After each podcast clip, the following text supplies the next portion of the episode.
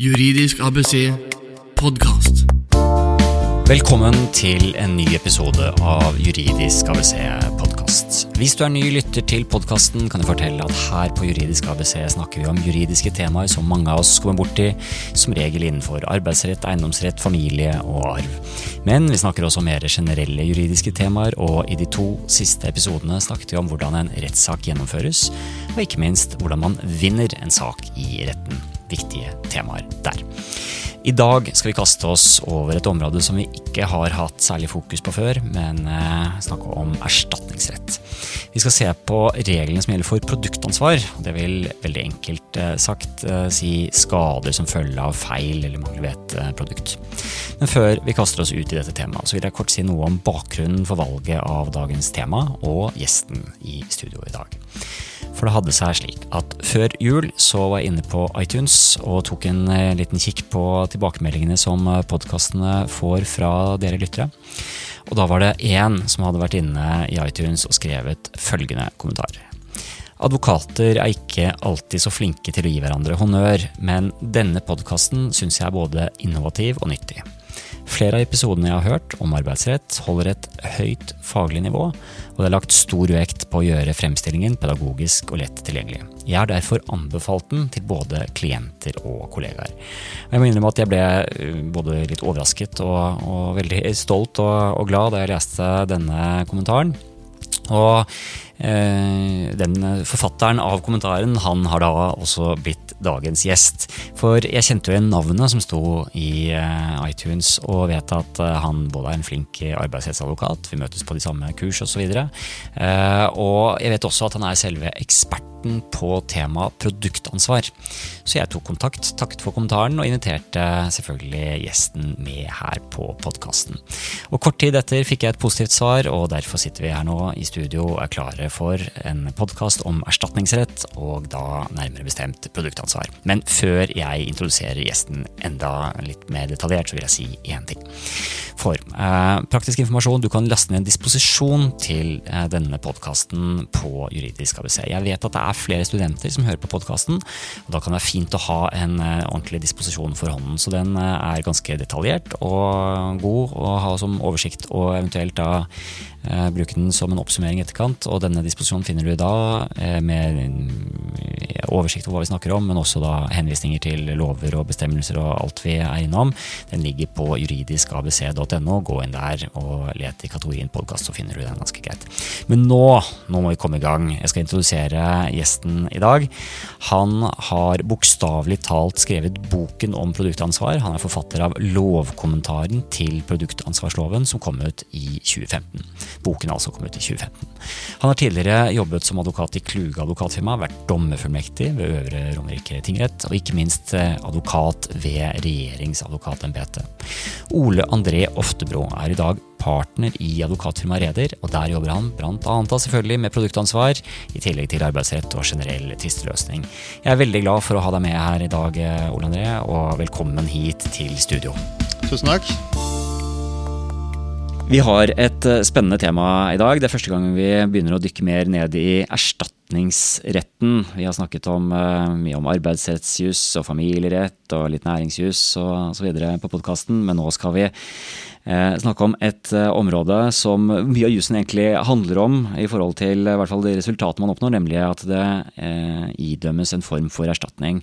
Og litt mer presist så skal vi snakke om produktansvar. Det er en litt eh, spesiell form for erstatningsrett vi snakker om, men kan du introdusere oss for faget? Altså produktansvar, hva er egentlig det? Ja, altså Det er som du er inne på, det er en spesialdisiplin innenfor erstatningsretten. Og I sin kjerne så handler det om produsentens ansvar for de skadevoldende egenskapene ved produktene sine. Altså Typisk der et produkt volder skade på person eller på ting. Eksempler på det vil være Uh, nei, det er mange eksempler på det. Altså, det kan være uh, tekniske feil, uh, avvik fra sikkerhetsstandard. Dette skal vi komme litt nærmere tilbake til. Mm -hmm. Dette er en disiplin som er mer og mer aktuell, fordi at vi omgjør oss med stadig flere produkter. Og I tillegg til at vi har flere produkter, så blir produktene mer kompliserte. Og mange produkter som tidligere var manuelle, er nå blitt elektrifiserte. Mm. Vi har jo elektriske hjelpemidler på kjøkkenet og i garasjen og verktøy osv. Mm. Og så er det også slik at når eh, produkter blir mer avanserte, så, eh, så øker også Eller kommer det til nye risikoer ved produktene. Vi ser jo nå uh, Google og Tesla som uh, driver med selvkjørende biler. Det, ja, det er klart at uh, i et, et, samfunn hvor tek den teknologiske utviklingen går fort, så, så, vil det jo være med også en utvikling i skadepotensialet. Mm, ja, det er nettopp det.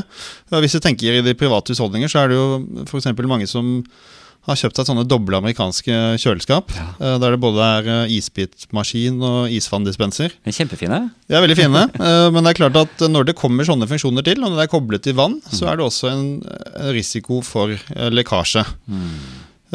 Så Derfor er det sånn generelt at med nye funksjoner så kommer det også nye risikoer. Og da er nytt skadepotensial.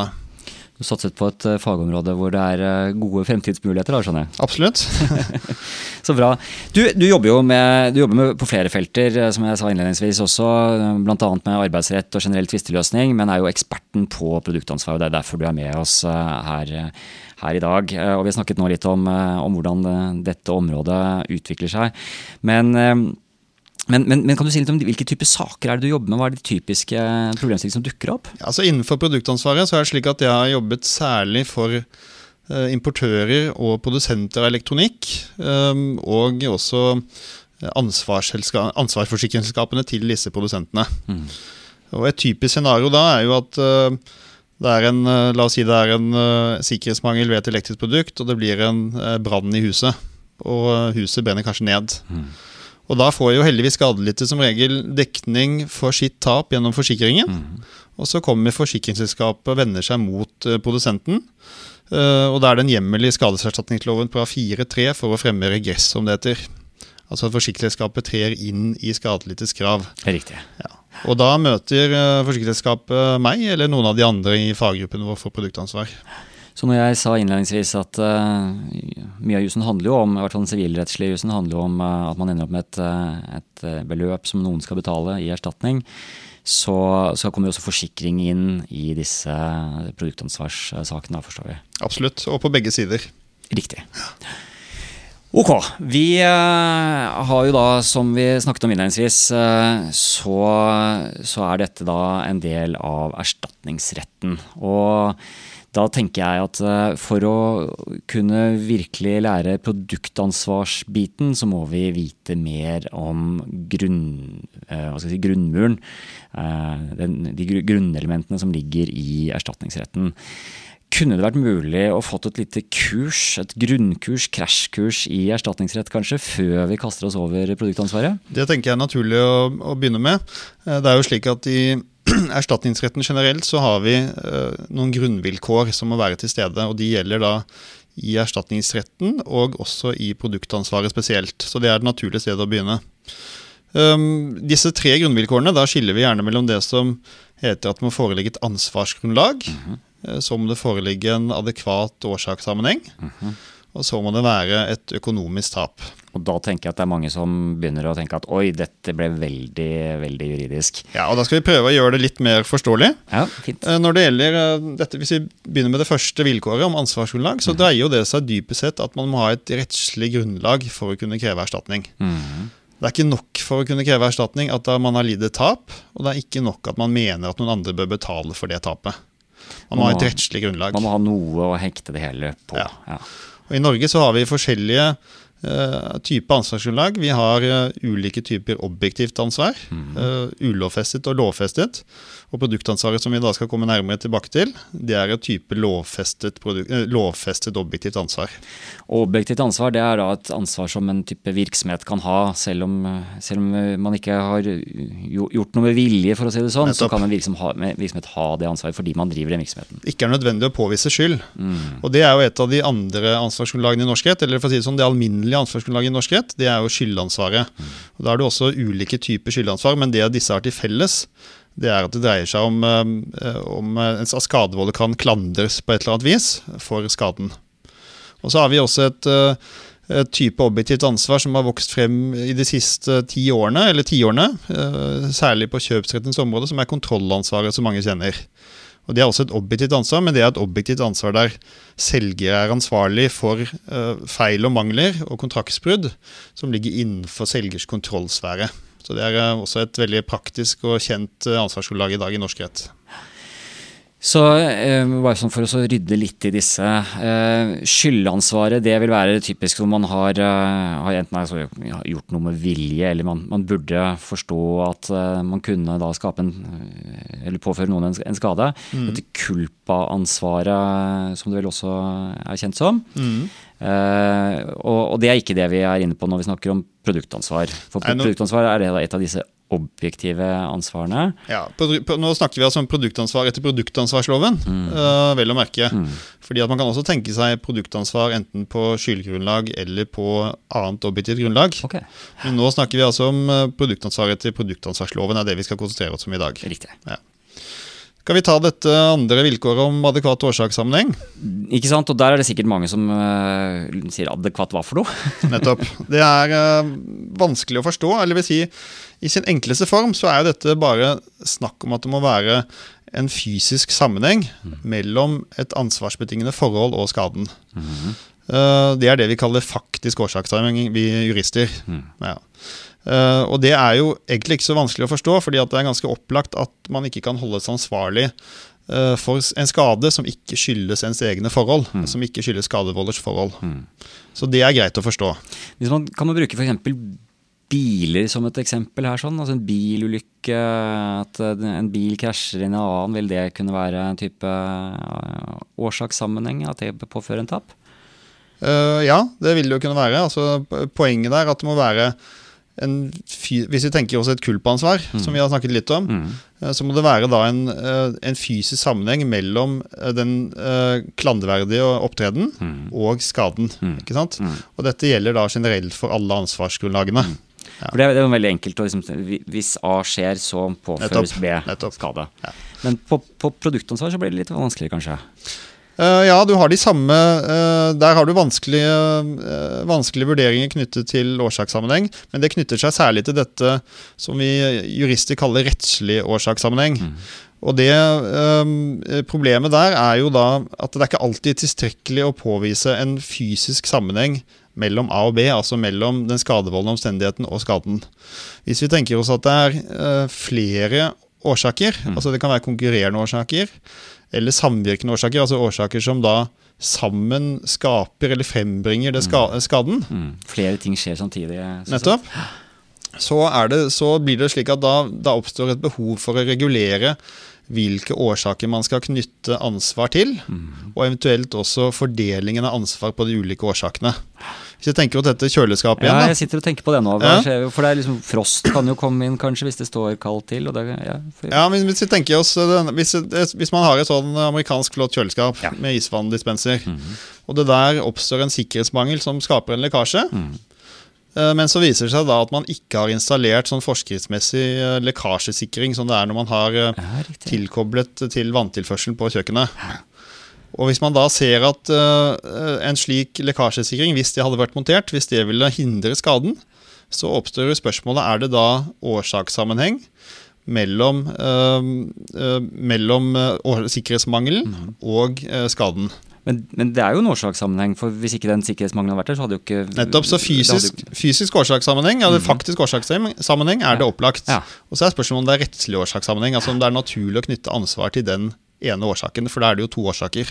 Nå høres du veldig advokat ut. Syns ja. du gjør det veldig vanskelig, altså. ja. men, men, men, det kan gjøre det enkelt for å skjære gjennom med hovedregelen i norsk rett. Ja. Eh, for det er som du er inne på, at uh, hvis, uh, hvis, den skadevoldende omstendigheten er en nødvendig betingelse for skaden, mm. så er årsakskravet oppfylt. Og så er det et tilleggsvilkår der. Og det er at uh, årsaken ikke må være uvesentlig i årsaksbildet. Mm. Da er det en kjent dom fra 1992 fra Høyesterett, p-pilledom 2. Mm. Og det var der dette ble fastslått endelig. Kan det, altså det er veldig greit når vi har disse dommene. Uh, husker jeg, Den kom, kom en, eller rett før jeg begynte på, på studiet. Uh, P-pilledom 2 var, eh, var, en viktig dom i, mm. i erstatningsretten, og den er fortsatt viktig, da skjønner jeg. Men uh, kan du ikke kort fortelle hva, hva som skjedde i, i, den saken? Det kan jeg gjøre. Da var det en uh, ung kvinne, jeg tror hun var 23 år, som fikk hjerneslag etter bruk av p-piller. Mm. Men så var det slik at eh, her var det flere, eh, flere samvirkende årsaker. Altså I tillegg til å bruke p-piller, eh, som hadde en kjent risiko for, eller en økt risiko for hjerne, medførte en økt risiko for hjerneslag, eh, så røykte hun. Hun brukte alkohol, som jo de fleste 20-åringer gjør. Mm. eh, og i tillegg så hadde hun en særlig disposisjon for hjerneslag. Okay. Men Høyesterett mente da at p-pillebruken var en nødvendig betingelse for skaden, og det var ikke en uvesentlig del av årsaksbildet. Og Derfor ble produsenten eh, dømt til å betale erstatning. Så vi kom ingen vei med å påpeke alle mulige andre eh, medvirkende årsaker? Nei. For da var det, da var det riktig etter Høyesteretts vurdering å knytte ansvar til eh, den årsaken som da var p-pillebruken. Ja.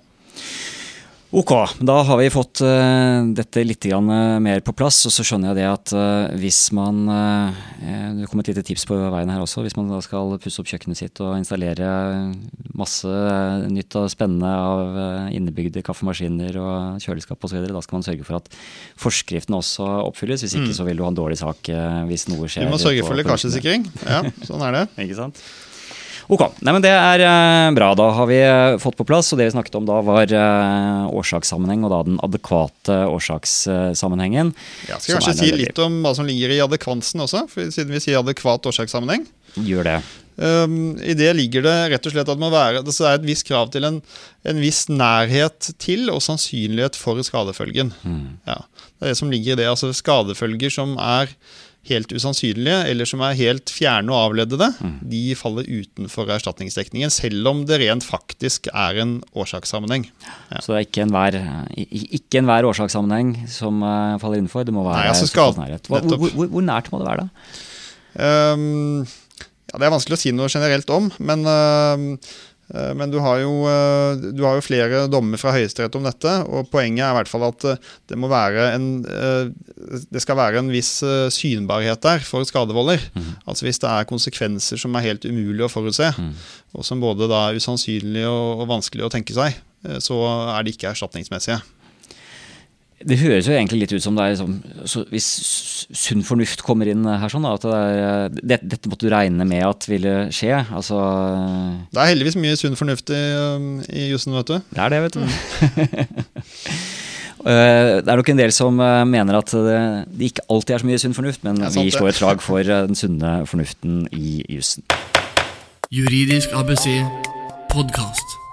Nå har vi eh, snakket litt eh, generelt om eh, temaet her, og begynner å få litt følelse med hva produktansvaret er. Vi har også snakket da selvfølgelig om disse grunnvilkårene innenfor erstatningsretten, og hatt et lite krasjkurs i grunnleggende erstatningsrett. Men nå skal vi dykke mer ned i produktansvaret. Og jeg syns ofte det er greit å gå litt tilbake og se. eh, For fagområdene, de juridiske fagområdene, de, de har jo på, på linje med disse tekniske dippeduttene som vi snakker om, eh, vært gjenstand for en utvikling. Eh, og jeg vil vel tenke at eh, produktansvaret det er vel kanskje et barn av eh, industrialismen og det moderne samfunnet også. Eh, kan du dra oss litt gjennom bakgrunnsteppet? her sånn? Hvordan har vi fått disse reglene, og, og hva er det vi må vite i forhold til historikken for å forstå Mm. reglene om produktansvaret? Det kan jeg gjøre. Det, det, jeg kan si er at dette har jo altså Produktansvaret har sine røtter i det alminnelige kulpansvaret som vi da snakket om, altså skyldansvaret, mm. og det ulovfestede objektive ansvaret som vokste frem på 1800-tallet. Um, og, men det er slik at når det gjelder å holde produsenten ansvarlig for skade, så er det noe som utviklet seg i siste halvdel av 1900-tallet. Og Før den tid så var det særlig den som uh, eide, eller den som brukte en farlig gjenstand, eller den som hadde en farlig bedrift, som ble holdt ansvarlig for skade. Står det en dynamittfabrikk, f.eks.? Nettopp, Det er jo nitroglycerindommen, blant annet. Ja. Eh, Så er det Fra 1950-tallet så ser vi eh, da at Høyesterett begynner å legge ansvar direkte på produsenten. Og Da har vi en, eh, en kjent dom som heter rulledommen fra 1950. Um, eh, Der eh, Jeg kan dra gjennom saksforholdet der i korte trekk. Det. Det var en, eh, en sånn gammeldags klesrulle som folk brukte i gamle dager til å rulle duker og sengetøy, som sto da i kjelleren i en privatbolig. Og så var det en liten gutt som uh, syntes dette var spennende og stakk hånden sin inn i rullen og mistet to uh, fingre. Dette var sånn vaskekjeller, en klassisk vaskekjeller på Majorstuen, var det ikke det? Det var mulig det var på Majorstua, det husker jeg ikke, men det var en klassisk vaskekjeller. Ja, ikke sant? Ja, ja. Men i hvert fall, uh, i denne saken så kom, uh, så kom Høyesterett til at produsenten var ansvarlig på, på skyldgrunnlag. Mm. Og Resonnementet til Høyesterett der var da at siden dette var en, uh, et type produkt som både ble brukt i private husholdninger mm. og i vaskerier, altså ikke bare i kommersiell virksomhet, så måtte produsenten sørge for en bedre produktsikkerhet. Mm. Um, og derfor så fikk uh, denne familien erstatning, og produsenten måtte da betale erstatning. Så helt enkelt var det ja, et produkt som uh, burde vært utformet på en annen måte, sånn at ikke små barn kunne få fingrene inn i ja, og ødelegge. Ja, ja. Mm. Og så har vi en interessant dom fra noen år senere, i 1974. Mm. Kanskje jeg nevner den også, for Grunnen til at den er interessant, er fordi uh, en dom som heter Stigedommen. Mm. Det, det var jeg eh, vet ikke om det var første gangen, men i hvert fall en av de første gangene da Høyesterett eh, både vurderte objektivt ansvar for produsenten mm. og skyldansvar. Okay. Det ble riktignok produsenten frifunnet, men eh, poenget var at de da diskuterte både La til grunn at det eksisterte også et objektivt ansvar for produsenten. Så både egenskaper ved tingen, produktet, mm. og uh, altså, skyld til Nettopp. brukeren. Da, altså, ja, begge deler ble diskutert. Jeg eh, vet ikke om jeg skal si noe om, eh, om saksforholdet der også, om det er interessant? Eh, jo, det, det, handlet jo om en stige som ble brukt feil, gjorde det ikke det? Det gjorde det, stemmer. Og det er jo ikke et helt upraktisk uh, eksempel Nei, for folk. Dette var en sånn skyvestige altså, som du trekker ut for at den skal bli lenger. Ikke sant? Den, måtte brukes, den måtte brukes med riktig vei mot veggen, for å si det sånn. Mm. Hvis ikke var det farlig. Mm. Og så var det da en ulykksalig bruker som brukte denne feil vei, mm. og ble skadet. Mm. Eh, han krevde erstatning, men da fikk ikke medhold. Og Det Høyesterett uh, la vekt på der, var for det første at det ikke var noe å bebreide uh, produsenten for konstruksjonen. Uh, og for det andre så la også Høyesterett vekt på at dette var et trygt produkt. Det var nemlig solgt i over 100 000 eksemplarer mm. uten at det hadde skjedd skade tidligere. I hvert fall ikke alvorlig skade som hadde havnet i Nei, retten. Ikke sant? Ja. Nei. Men den eh, må vel lov å si, jeg husker den dommen ganske godt, for den har vel, et, den har vel en dissens Uh, som er uh, sånn som i hvert fall jurister syns er litt artig. Mm. Uh, husker du hva som står der sånn? Var, hvis, jeg, hvis, jeg, husker ja. riktig, så, så sier dissenterende dommer i denne saken at noe sånt som at eh, også Høyesterett forstår hvordan den skal brukes etter en ganske inngående demonstrasjon av en modellstige. Ja. Og da er det kanskje ikke så åpenbart heller. Det, var tydelig, det, fremgår ganske tydelig av dommen at dommerne brukte ganske lang tid på å skjønne hvordan den skulle fungere. Mm. Men når de først hadde skjønt det, mm. da la de all uh, skyld på den stakkars stigebrukeren som ikke hadde fått noen bruksanvisning til mm. stigen, og bare hadde tatt den i bruk og dessverre da brukt den feil vei. Det er jo mange som spøker med det at hvis vi jurister forstår praktiske ting, da, det, da kan alle forstå det. Det er et veldig godt, ja. er et veldig godt uh, moment her. Ok, da har vi vært gjennom 50-tallet. Vi har vært gjennom eh, Vi er nå på 74 og stigedommen. Og hvordan, hvordan, skjer utviklingen? Ja, det, vi, det, vi, kan gjøre da, er å hoppe til 1988, da denne produktansvarsloven ble vedtatt. Mm. Og den bygget da allerede da, ved tilblivelse så bygget den i stor grad på et EF-direktiv, som er et produktansvarsdirektivet. Mm -hmm. Uh, og selv om dette var jo da før uh, Norge ble tilsluttet EØS-avtalen. Ikke sant? Ja. Og da var det noen forskjeller mellom produktansvarsdirektivet og, uh, og den norske loven. Mm. Så hvis vi skal snakke helt overordnet, så kan man kanskje si at den norske loven var litt mer i samsvar med norsk lovtradisjon, naturligvis. Og den var mer forbrukervennlig enn mm. produktansvarsdirektivet. Mm. Så vi, vi strakk oss litt lenger sånn sett i forhold til å ivareta forbrukerne. Ja. Men så ble vi jo etter hvert tvunget til å følge EUs eh, e mm. regler. Mm. Eh, fordi ved, ved, tilslutningen til EØS-avtalen så måtte da loven revideres. Eh, fordi produktansvarsdirektivet var jo da et, et vedlegg, vedlegg 3 til EØS-avtalen. Men Nå blir vi litt sånn tekniske på det, men, men måtte man det da, når man allerede hadde regler som gikk lenger enn direktivet? Uh, ja, fordi at uh, altså direktivet og re disse reglene er jo en avveining mellom forbrukerinteresser, men også produsentinteresser. Nei.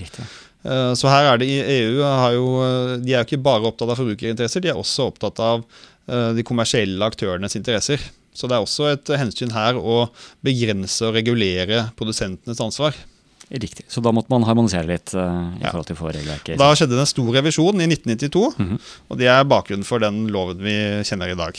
Der du har skrevet uh, kommentarutgaven til den. Stemmer. Ok, da har vi det litt på plass. Jeg syns det er eh, ganske spennende. Jeg vet du jobber jo mye med arbeidsrett også, eh, samme som jeg gjør. Og Stemmer. da ser man eh, at selv om Norge ikke er medlem av EU, så er det ganske mye EU-rett i det vi driver med. Det er jo flere Absolutt. kapitler i arbeidsmiljøloven Mm. som er, eh, er EU-rett. Eh, og her er vi da inne på noe av det samme i forhold til produktansvaret. Vi må forholde oss til det enten vi vil eller ikke. Ikke sant. Du hører Juridisk ABC podkast. Nå har vi eh, vært gjennom eh, erstatningsrettens eh, grunnpreg, og har snakket litt om den historiske utviklingen og sett hvordan reglene om produktansvaret har kommet inn i norsk rett, og i dag forelegger i produktansvarsloven, som da Ole André her i studio har skrevet kommentarutgave til. Skal vi skylde å, legge til at du har skrevet den sammen med en kollega? En god kollega, Syre Kielland. Ikke sant. Eh, og da er vi egentlig kommet til eh, indrefileten på dagens podkast her, eh, Ole André. Eh, og jeg vil nesten bare si take it away. Led oss gjennom produktansvaret. Det skal jeg gjøre. Eh, først, det jeg har lyst til å si først nå, siden vi har sagt litt generelt om erstatningsretten, det er det at eh, det er viktig å eh, skille eh, eh, produktansvaret fra det kjøpsrettslige ansvaret. Ok, Det er fint at du Bare begynne med dette, Fortell ja. det helt kort. Eh, altså Kjøpsrettslig ansvar etter eh, kjøpsloven eller kjøpskontrakt eller forbrukerkjøpsloven, eh, det dekker som den klare hovedregel kun skade på salgstingen. Ja. Eh, og det er viktig å være klar over. Så er det et, eh, et unntak i forbrukerforhold, eh, og også et, altså, da dekker det også skade på ting som står i nær, jeg tror det er nær og direkte sammenheng med salgstingen, som er formuleringen der. Eh, og så er det tilsvarende eh, unntak i eh, kjøpsloven ved uaktsomhet, altså en såkalt indirekte tapspost. Men på den andre siden så dekker da produktansvaret dekker ikke skade på salgstingen selv. Så, disse, u- disse regelsettene utfyller hverandre. Riktig. så Hvis vi ser på det amerikanske kjøleskapet, som jeg har nå veldig klart for meg her, sånn, så vi snakker ikke om at du skal reklamere på at uh, isdispenseren ikke fungerer. Det er ikke der vi er. Nei, altså hvis vi tenker at kjøleskapet, og det, det er lekker. Mm. vi får skade på parketten, vi får skade på, eh, på kjøkkenskap kanskje. Mm. så er det slik at produktansvarsloven kan da eh, dekke skade på gulvet og inventaret, men ikke på kjøleskapet. Ikke sant? Ja. Eh, skade på kjøleskapet det må man eventuelt reklamere til eh, forhandler etter forbrukerkjøpslovens regler, og få byttet eller reparert på den måten. Så reklamasjonsreglene er heller ikke det som står i fokus her. Nei, og da er du inne på noe annet, nemlig dette skillet mellom, som er litt eh, vanskelig også for jurister, skillet mellom erstatningsregler i og utenfor kontraktsforhold. Um, det er et sånn grunnleggende skille i erstatningsretten. Mm. produktansvaret er et eh, erstatningsansvar utenfor kontrakt, og det innebærer bl.a. som du sier, at det ikke er noen regler om reklamasjon. Så innebærer det også at eh, hvem som helst som lider tap, kan kreve erstatning. Altså det er ikke bare, ikke bare kjøper eller eh, medkontrahent.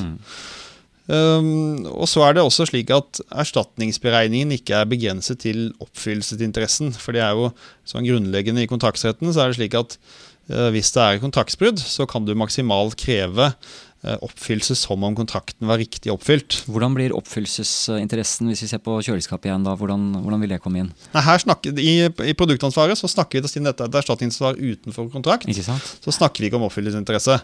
Der får du dekket eh, ditt eh, fulle tap på ting og, tingskade og person, med noen forbehold som vi skal komme tilbake til. Produktansvaret, Ole det er jo, eh, bare for å begynne med det helt banale, hva, hva, hva er det vi snakker om når, når det gjelder produkt? Uh, Ja, det er jo Som vi var inne på, så er det da et eh, ansvar for skadevoldelige egenskaper ved produkt. og Da er det jo eh, viktig å vite hva er et produkt i lovens forstand. ikke sant? Og det er eh, i utgangspunktet alle fysiske gjenstander. Men det er ikke fast eiendom. Altså det er løsøre, fysiske løsøregjenstander. Eh, litt upresist når jeg sier løsøregjenstander, for det er også strøm og sånne ting. Okay. Det er naturprodukter, råvarer og industrielle produkter. Alle fysiske ting. Men utenfor faller da eh, såkalte immaterielle tjenester, altså sanger f.eks. på iTunes. eh, Og eh, også tjenester. Det faller utenfor produktbegrepet. Så skade som følge av en, si, en bok eller en sang eller et eller annet sånt, det faller utenfor? En bok kan jo være en fysisk gjenstand, da, men Ja. eh, hvis det er en e-bok, så er det annerledes. Ja. Så det er vel Det er vel ikke så mange sikkerhetsmangler ved bøker, i hvert fall ikke den boken vi har skrevet. Nei, det er- får jo- virkelig håpe det. Men, men kan det være en oppskrift som gis i, i en bok? Altså Hvis du har en sånn uh, ting du ikke skal gjøre hjemme-bok, så vi har, det er klart at da har du en, en advarsel allerede i tittelen. Men, Ja, da tenker jeg at, Men da, er det jo ikke, da, er ikke, da skyldes jo ikke skaden den fysiske gjenstanden, men det skyldes det immaterielle innholdet. Nettopp. Så da er man tilbake på Så da er man tilbake der. Ja. Men ellers så er det Vi snakket om alt disse med kjøkkengjenstander og den type ting. Biler har vi vært inne på Mm. som eksempel. Men også da sier du naturprodukter. Sånn at eh, skal si, sushi, er det et produkt? Sushi er absolutt et produkt. Så Så, skade som følge av det, det er, eh, hvis du får en sykdom eller et eller annet sånt, kan det også falle inn under eh, reglene? Absolutt. Og da kan jo, er det egentlig naturlig å gå over til hvem som er produsent etter Ja. loven, altså hvem som er ansvarsobjekt. Gjerne. Um, vi har jo snakket om produsentens ansvar, så det er jo opplagt at det er produsenten. Mm. Men uh, produktansvarsloven opererer da med et utvidet ansvarssubjekt, er- eller utvidet uh, produsentbegrep. Det er flere enn den klassiske produsenten. Ja, jeg er tenker på den store, store fabrikken, tenker jeg. Eller altså de store Det er det man tenker på i utgangspunktet, ikke sant? Men hva med hvis jeg vi begynner en liten virksomhet i kjelleren, eh, og, og, og Eivind Sushi, for å bare ta et enkelt Ja, da kan du nok, altså, da kan du nok uh, absolutt anses som produsent etter loven. Mhm. Eh, altså, uh, vi kan ta, Hvis vi systematiserer det litt, så er det for det første i tillegg til produsenten, den klassiske produsenten, så er det da den som frembyr et produkt som sitt eget. Mhm. Og det er ganske aktuelt for tiden, fordi at i kolonial- og dagligvarebransjen for eksempel, så er det jo mange som da eh, lager egne produkter. ikke sant? De frembyr sine egne produkter. Og da regnes de som produsent, selv om det da er en annen produsent som, som egentlig har tilvirket produktet. Og så er det jo også den som, har, som forhandler et ubearbeidet naturprodukt, som er lovens uh, ord. Uh, og da tenker man jo fort ja, men hva hvis jeg selger fisken jeg fisker, eller, uh, ikke sant? Mhm. eller selger kjøttstykker etter elgjakta. Mhm. Eh, de tilfellene er ikke omfattet. Men det, det skal være forhandler. altså Det kommer fra det engelske ordet supplier i direktivet. Så det kreves et visst krav av profesjonalitet. Ja, ikke sant. eh, må, må en form for organisert virksomhet. Dette Ja. er ikke bare rent hobbyvirksomhet. Men så er det veldig viktig distinksjon, og det går jo på dette at dette er jo, som jeg har vært inne på, europeiske regler. ikke sant? Eh, Slik at det gjelder jo utgangspunktet, eller det gjelder kun for europeiske rettssubjekter. Og Derfor er det slik at hvis produktet er produsert utenfor Europa, og det er jo veldig mange produkter i dag som produseres i Asia og også noe i Amerika, og hvis, hvis produksjonen skjer utenfor Europa, så er det importøren til Norge som er produsent etter loven. Akkurat. Ja. Så, øh, men hvis vi importerer det selv, da, hvis jeg importerer noe fra USA, kjøper det på Amazon eller den type ting, da har jeg et større problem. Da har du et eh, større problem, ja. Det har du. Ehm, så det er produsent. Men hvordan er det er, det bare én man skal forholde seg til? Hvis du har øh, Bare for å ta et eksempel. Du nevnte disse med matvarene fra dagligvare. Eh, Det kan jo være at det står et eller annet First Price eller hva det måtte være på den. Men så står det 'produsert for Rema 1000 av', og så er det et annet selskap under. Eh, Nå, nå, nå finner jeg litt på. Uh, jo. Jeg, vet ikke om det er, er tilfellet engang. Får nesten sjekke neste gang jeg er i butikken. Men, men man kan se for seg sånn type tilfelle hvor det, hvor det står noe på varemerket, og så er det egentlig noen andre som står som produsent bak, og så kan det hende at det også er en importør inne i bildet. Hvem er det man skal forholde seg til? Kan man velge det selv, eller er det Altså Som forbruker skal du uansett forholde deg til eh, butikken i et sånt tilfelle. ikke sant? Okay, Så da går jeg på Rema. Ja, Men, eh, men når, det spørs, når det er spørsmålet hvem som er ansvarlig etter loven her, så er det nok litt avhengig av hvor tydelig merkingen er. Og Poenget her med denne bestemmelsen i, i loven er at eh, dersom produsenten er skjøvet helt i bakgrunnen, sant? Dersom, man har, dersom man fremstiller et produkt som det er ditt eget, så er det den som da eh, fremstiller produktet som sitt eget, som er ansvarlig, ansvarlig subjektet til loven. Det er poenget der. Akkurat. Ok, veldig bra. Og eh, da har vi fått på plass litt i forhold til hva er produktet, hvem er produsenten, eh, hvilke flere vilkår er det som gjelder i forhold til produktansvar? Ja, Vi har jo egentlig ikke berørt det viktigste ennå. Vi vi har nevnt det, nemlig dette sikkerhetsmangelsbegrepet. Eh, fordi som jeg var inne på i sted, så er da eh, produktansvar er et objektivt ansvar. Men det er ikke et rent kausalansvar. Altså det, det ligger at det er ikke sånn at det er nok at det er oppstått en skade som følge av produktet. Det er ikke nok for ansvaret til loven. Eksempel på, på tilfeller som ikke oppfyller lovens krav? Ja, altså Noen vanlige eksempler er hvis du skjærer deg på en skarp kniv. Hvis du brenner deg på en fyrstikk. Mm. Ikke sant? Mm. Eh, Da er du skadet som følge av produktet, men det er ikke en sikkerhetsmangel. Mm. Det er liksom de iboende egenskapene i Det er også de egenskapene du ønsker, for så vidt, av produktene. Men uavhengig av det, så er det bare ansvaret til loven hvis det kan påvises en sikkerhetsmangel, som det heter. Mm. Et eksempel på det er da en eh, dom fra Borgarting lagmannsrett fra 2010. Ehm, eh, Der var det slik at eh, det hadde startet en brann, og brannen hadde startet i en oppvaskmaskin. Men man klarte ikke å påvise noen sikkerhetsmangel, og produsenten ble da frifunnet. Så det er nødvendig og må påvises en sikkerhetsmangel. Når vi sier sikkerhetsmangel, så er jo det så kan man lett uh, forveksle det med mangelsbegrepet. og Vi har allerede vært inne på at det er en skille, et skille mellom kjøpsretten og produktansvarsretten. Og det er også da viktig å skille mellom mangel og sikkerhetsmangel. Ok, hvordan, hvordan skiller man mellom de to? Altså Mangel er jo et uh, altså Juridisk sett så er jo mangel et avvik fra uh, kontraktsmessig oppfyllelse. Mm. Det er et hvis, du kjøper, hvis du kjøper deg et produkt, og det har en mangel, så er det fordi det ikke er sånn det skal være. Det er ikke sånn du har grunn til å vente. Nei, Forventer at eh, kjøleskapet ikke lekker, eller at eh, pistolen går av av seg selv.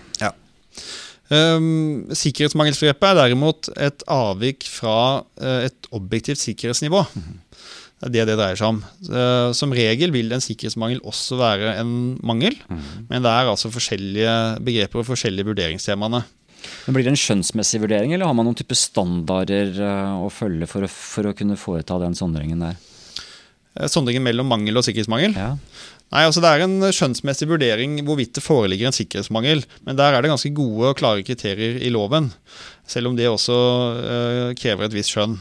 Altså Lovens ordlyd er der at det foreligger en sikkerhetsmangel dersom produktet ikke byr på den sikkerhet som en bruker eller allmennheten med rimelighet kan vente.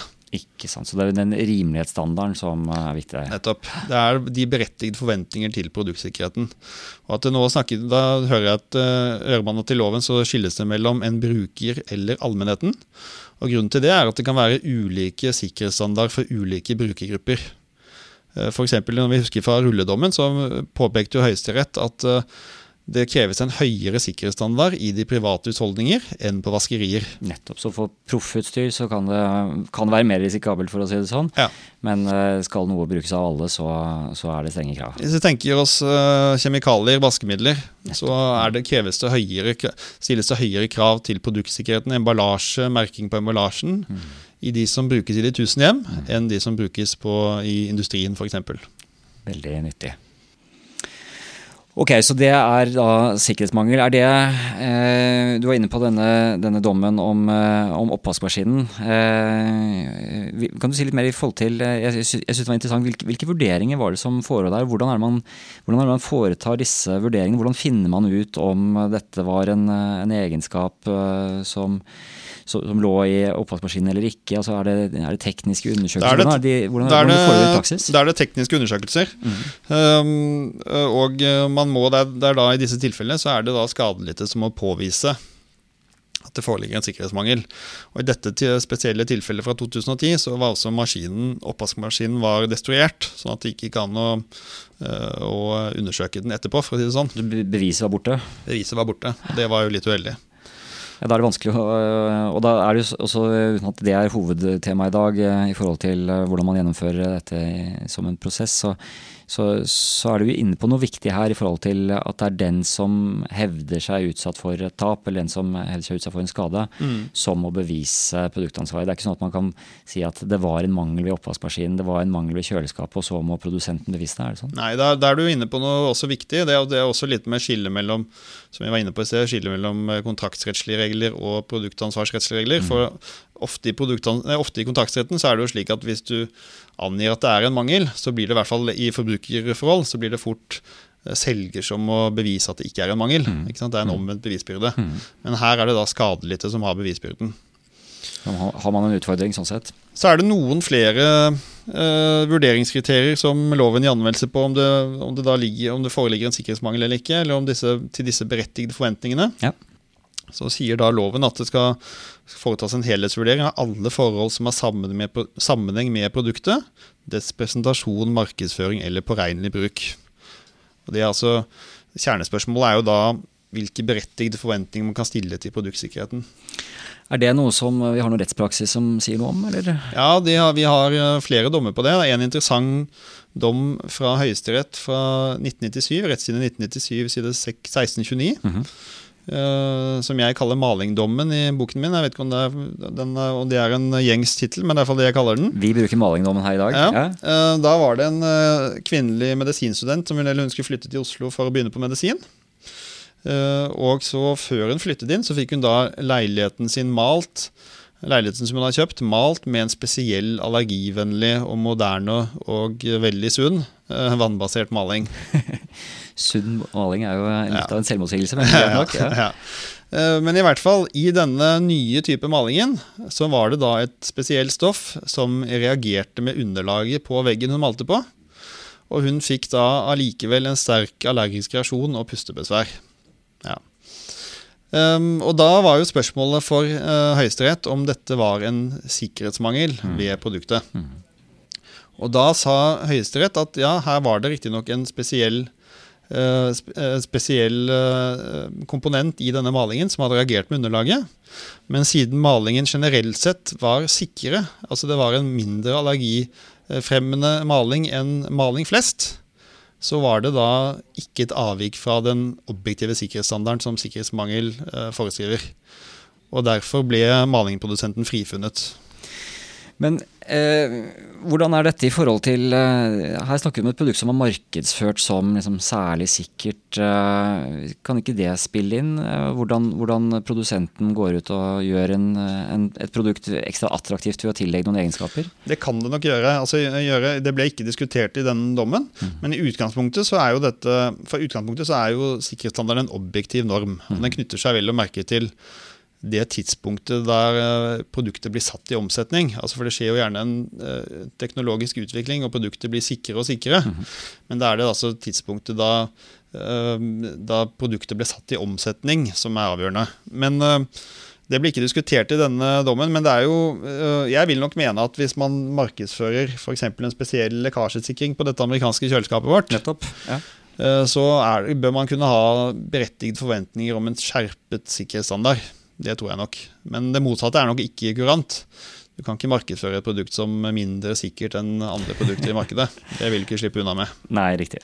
Dette er jo noen samf viktig samfunnshensyn. ikke sant? Lovgiver vil jo at produkter skal være sikre. Ja, vi snakket jo litt om denne eh, kjøpsmessige kontra eh, produktansvarssiden. Eh, og, da sånne type særlige egenskaper. Det kan jo typisk være noe som kjøpsrettslig kan eh, i hvert fall Tradisjonelt i forhold til kjøpsretten så vil jo da særskilt markedsførte egenskaper vil kunne påvirke vurderingen. Mm. det kan også komme inn i forhold til, til den eh, sikkerhetsmangelvurderingen. Det Da. er det nok litt, litt sammenfallende vurderinger.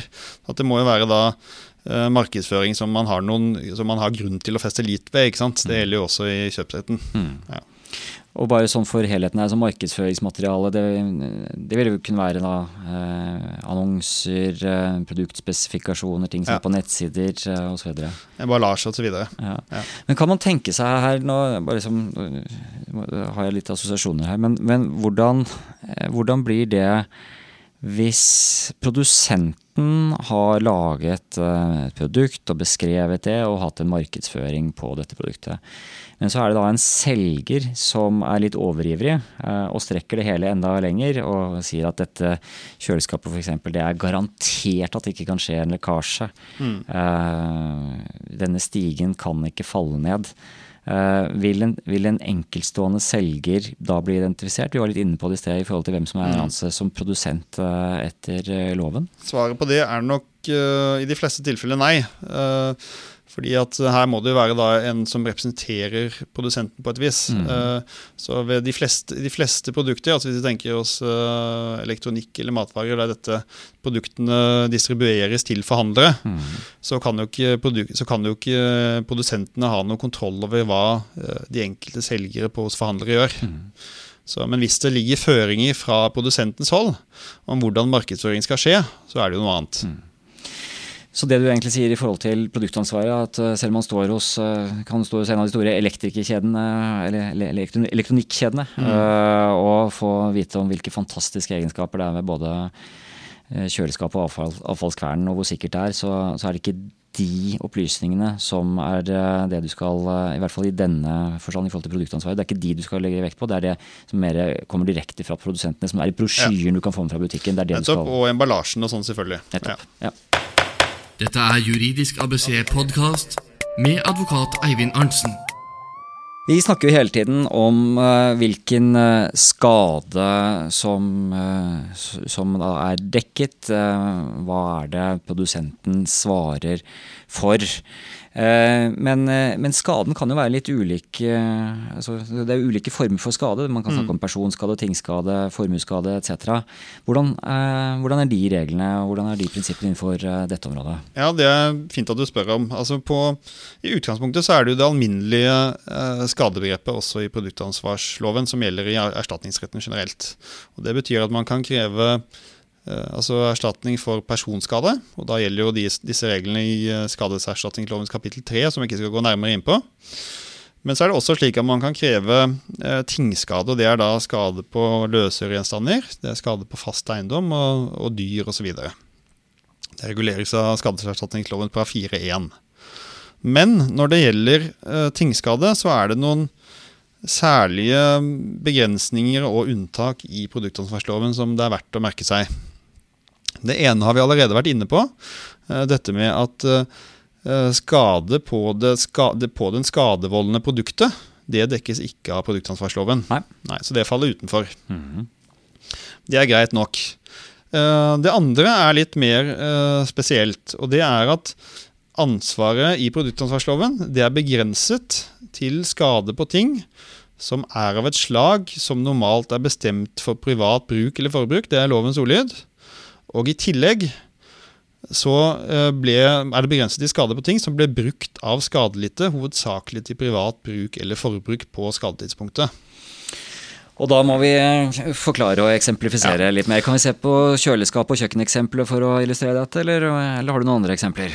Ja, vi kan godt bruke kjøleskapeksempelet, men hvis vi bare begynner å forklare hva som ligger i disse begrepene, for dette er sånn også jurister kan klø seg i hodet over. Mm. Det første er jo da at eh, det skal være av et slag som normalt er bestemt for privat bruk eller forbruk. Det betyr altså at skade på Uh, skade på f.eks. industrimaskiner, skade på uh, traktorer på bondegårder, det faller utenfor. Det dekkes ikke av produktansvarsloven.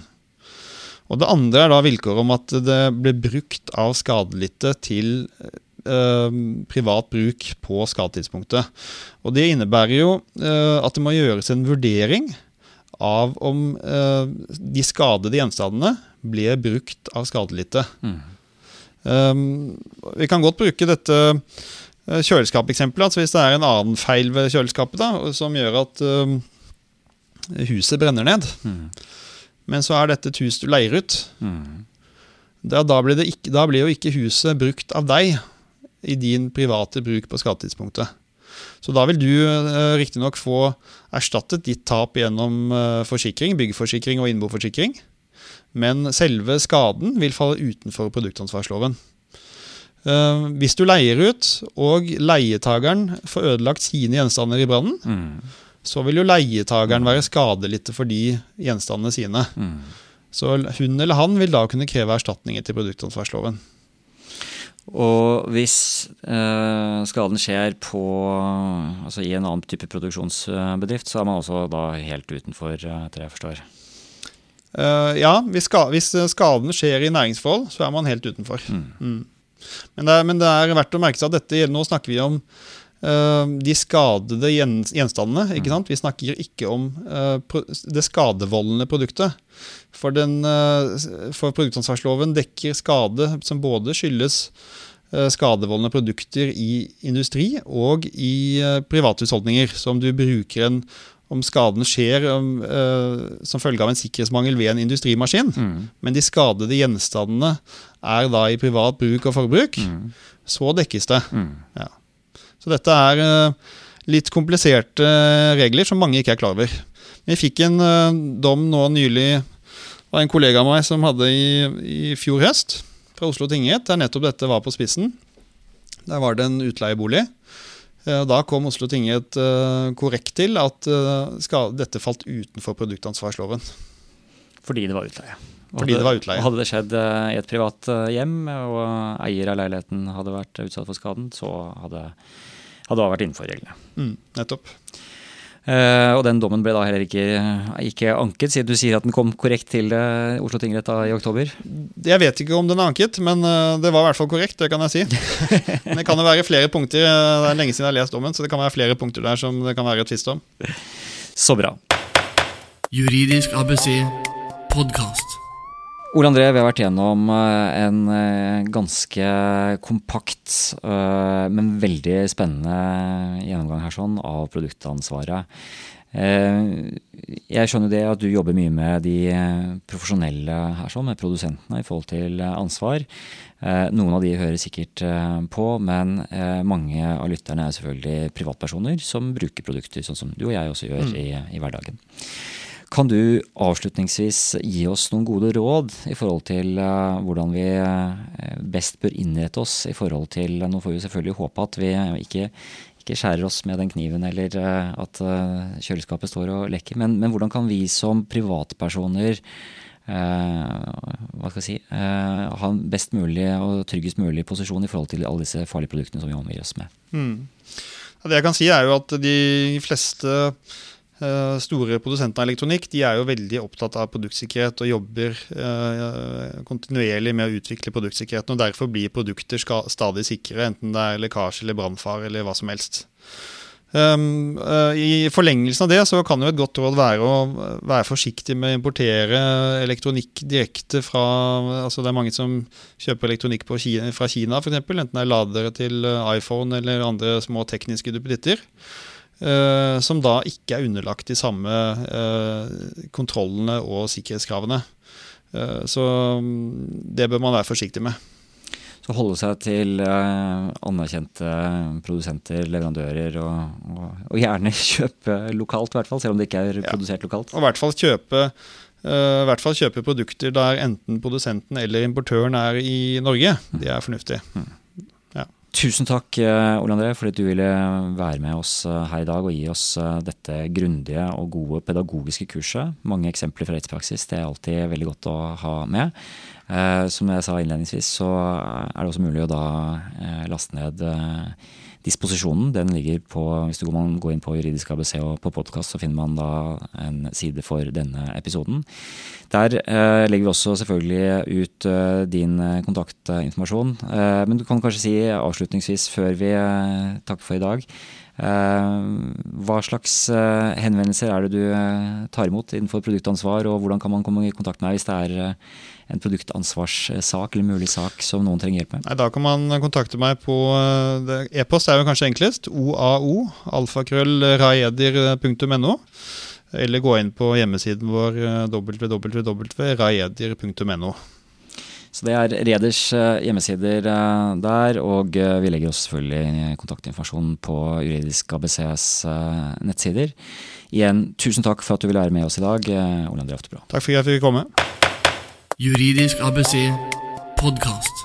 Det var dagens episode av Juridisk ABC podkast. Nok en gang en episode spekket med juridisk informasjon.